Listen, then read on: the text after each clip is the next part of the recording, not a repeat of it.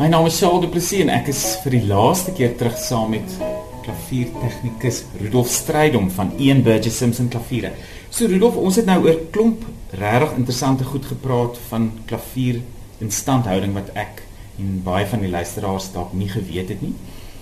Hierdie week wou ek graag ter afsluiting gekyk het na die instandhouding van 'n klavier oor die algemeen. Jy weet as 'n mens miskien nie in die stad woon nie en jy's nie naby uh die dienste van 'n klaviertegnikus nie. Is daar sekere basiese goed wat jy dink 'n mens kan doen om te verseker dat jou klavier wat natuurlik 'n groot belegging is en baie duur is as jy vandag 'n klavier koop, om seker te maak dit hou vir generasies en generasies. So die eerste ding wat ek sou voorstel uh, is as jy naby 'n tegnikus is, kry hom om, om assessering te doen op die klavier sodat jy weet presies wat die toestand is van die klavier want gebaseer op dit mag jy dalk besluit om sekere ehm um, goed te doen met die klavier of nie. Maar vir die ouens wat bietjie verder weg is en, en wat nie daai gerief het nie, ehm um, ek sou voorstel die beste ding wat jy kan doen vir jou klavier is om dit nie te beskadig nie. In ander woorde, maak seker jy hou dit in 'n kamer waar dit nie te veel aan die klimate blootgestel word nie.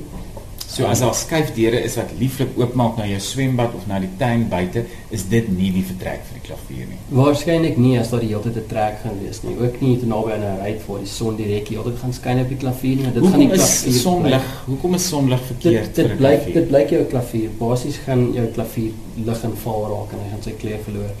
En nie net dit nie, maar ook die die die konstante ehm um, temperatuurfluktuering as gevolg van die son wat skyn op die klavier gaan maak dat jou klavier amper nooit in uh, in tune gaan bly. Ja, soos ons vroeër gepraat het, is die twee grootste vyande vir vir 'n klavier is groot verskille in temperatuur of humiditeit. So as dit so egalig as moontlik bly dan het jy al klaar jou wat gedoen ja. om jou klavier beter te versorg. Dan, die ander ding wat wat mense kan doen is natuurlik maak seker jy het 'n paar motbolle in die klavier. So as jy motbolle in die klavier, maar dit gaan dit aaklig laat ryk. Hoekom moet mens dit doen? Dis dis nie nodig vir mense wat hulle klavier elke maand laat skoonmaak nie.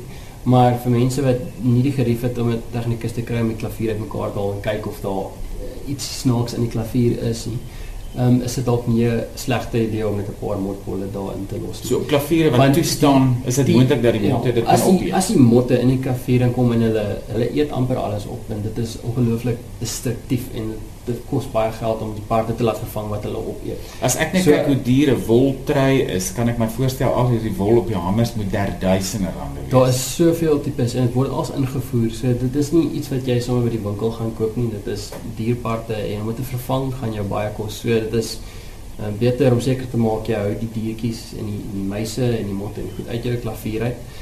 So loer maar net nou en dan en sien of daar iets snaaks is en doen wat jy kan om ontslae te raak van enige insekte. Ehm um, dan die ander ding is vir jou klavier net af met 'n droë lappie, moenie chemikalieë of goed op jou kabinet gebruik nie. Gebruik net 'n ou geel skoon lappie en vee hom net af, vee die stof af. As niks anders wat jy regtig hoef te doen aan die buitekant om dit te onderhou. Ek wil op daai punt gou vir jou iets vra. Kyk, die buitekant van 'n klavier is gewoonlik met een of ander lak bedek. Met ander woorde, dis nie rou hout soos wat 'n bank in jou sitkamer of 'n kas sou wees nie. So die produkte wat mens kry wat jy opsproei en dan dan vryf jy dit blink. Dis nie eintlik geskik vir 'n klavier nie want daar is nie blootgestelde hout nie en dit het 'n wax in wat net ja. bly opbou. So jy wil nie jy wil nie daai was in die produkte en jy wil ook nie enige ander produkte gebruik wat tipies gebruik word om hout te onderhou nie want jy is nie besig om te werk met 'n blootgestelde hout um, so houtolie labelstuk nee jy ja. sit nie houtolie op nie. So ek sê droë lappie is die beste ding. As jy enige ehm um, taai goed op die klavier het mense het mos maar kinders en kyk taai ja. vingermerke of so of enige merke wat 'n bietjie uh, stawwen is kry vir jou 'n bietjie bensien en jy sit dit op 'n lappie en jy vee dit af. Dit is redelik veilig. Maar geen ander goed soos tinners of asetoon nie dit maar as jy net 'n klein bietjie water vat en jy dit afvee en jy vee dit dadelik droog af dit is tog ook nie skadelik nie.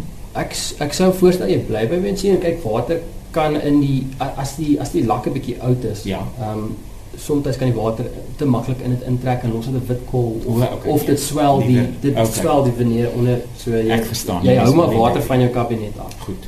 Heeltemal reg. Rudolf en en iets soos 'n oortreksel as ek nou nie gereeld op my klavier speel nie en ek wil stof en diertjies daar uithou dan is R50 se naftaleenballe klink dit vir my the way to go. En dan 'n oortreksel is dit die moeite werd Absoluut, absoluut. Kyk, enigiets wat jy kan doen om jou klavier se se se klimaat konstant te hou, sal help. So vir die klaviere wat nie gereeld gebruik word nie, wat dalk op 'n stowwerige plek staan of 'n plek waar daar trek is, kry maar vir hom 'n kombersie of kry vir hom 'n 'n mooi um, oortreksel. Uh jy kan dit iemand vir jou een maak of vra vir jou ouma om vir jou een te stik.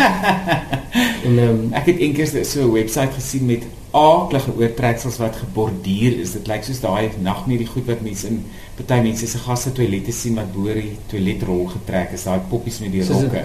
Maar vir soos 'n doilie. Presies, maar 'n enorme ding vir die hele klavier. Jy het nog nooit so iets gesien nie. Maar een ander ding wat ek jou wil vra is deesdae Ons het vroeër genoem dat jy weet in hoe klavier werk en eintlik gebou is, het daar nie veel verander in die afgelope 100 jaar nie. Maar ek kan my voorstel om hierdie hele humiditeit of temperatuur van 'n klavier in stand te hou, moet daar tog iets wees wat jy ook kan doen. So daar's die ou storie van 'n bak water onder die klavier. Dis nie baie effektief nie. Ehm um, vir die die regop klaviere, daai ouens wat 'n bak water binne insit, dit dalk dis dalk 'n bietjie meer effektief, maar nog steeds nie die beste ding om te doen nie. Uh wat ek sou voorstel is vir vir ehm um, enige iemand is kry 'n goeie klimaatbeheerstelsel in die kamer waar jy 'n klavier het of kry eene wat jy in jou klavier self kan laat installeer soos die Piano Lifesaver system wat baie effektief is. Hoe werk dit dan? Is dit fisiese masjien in die klavier? Dis dis 'n dis 'n humidifier, dehumidifier gekombineer en jy bou dit in die klavier in en wat hy doen is hy hou jou humiditeit so naby aan 50% as wat hy kan om seker te maak dat hy nie roes nie seker te maak dat die klankbord nie breek en en kraak en so oor tyd nie. So vir ouens wat klaviere koop, veral mense wat nuwe klaviere ja. nou koop, sou baie sterk aanraai kry onmiddellik 'n lifesaver want dit gaan jou klavier eh, se se lifespan 10 keer verleng. Ja, maar wonderlik. Ek sal ek sal definitief uitkyk vir so iets. Rudolf, dit was regtig vreeslik interessant en as mense nog meer vra het, gaan ek laat hulle my e-pos as dit reg is met jou.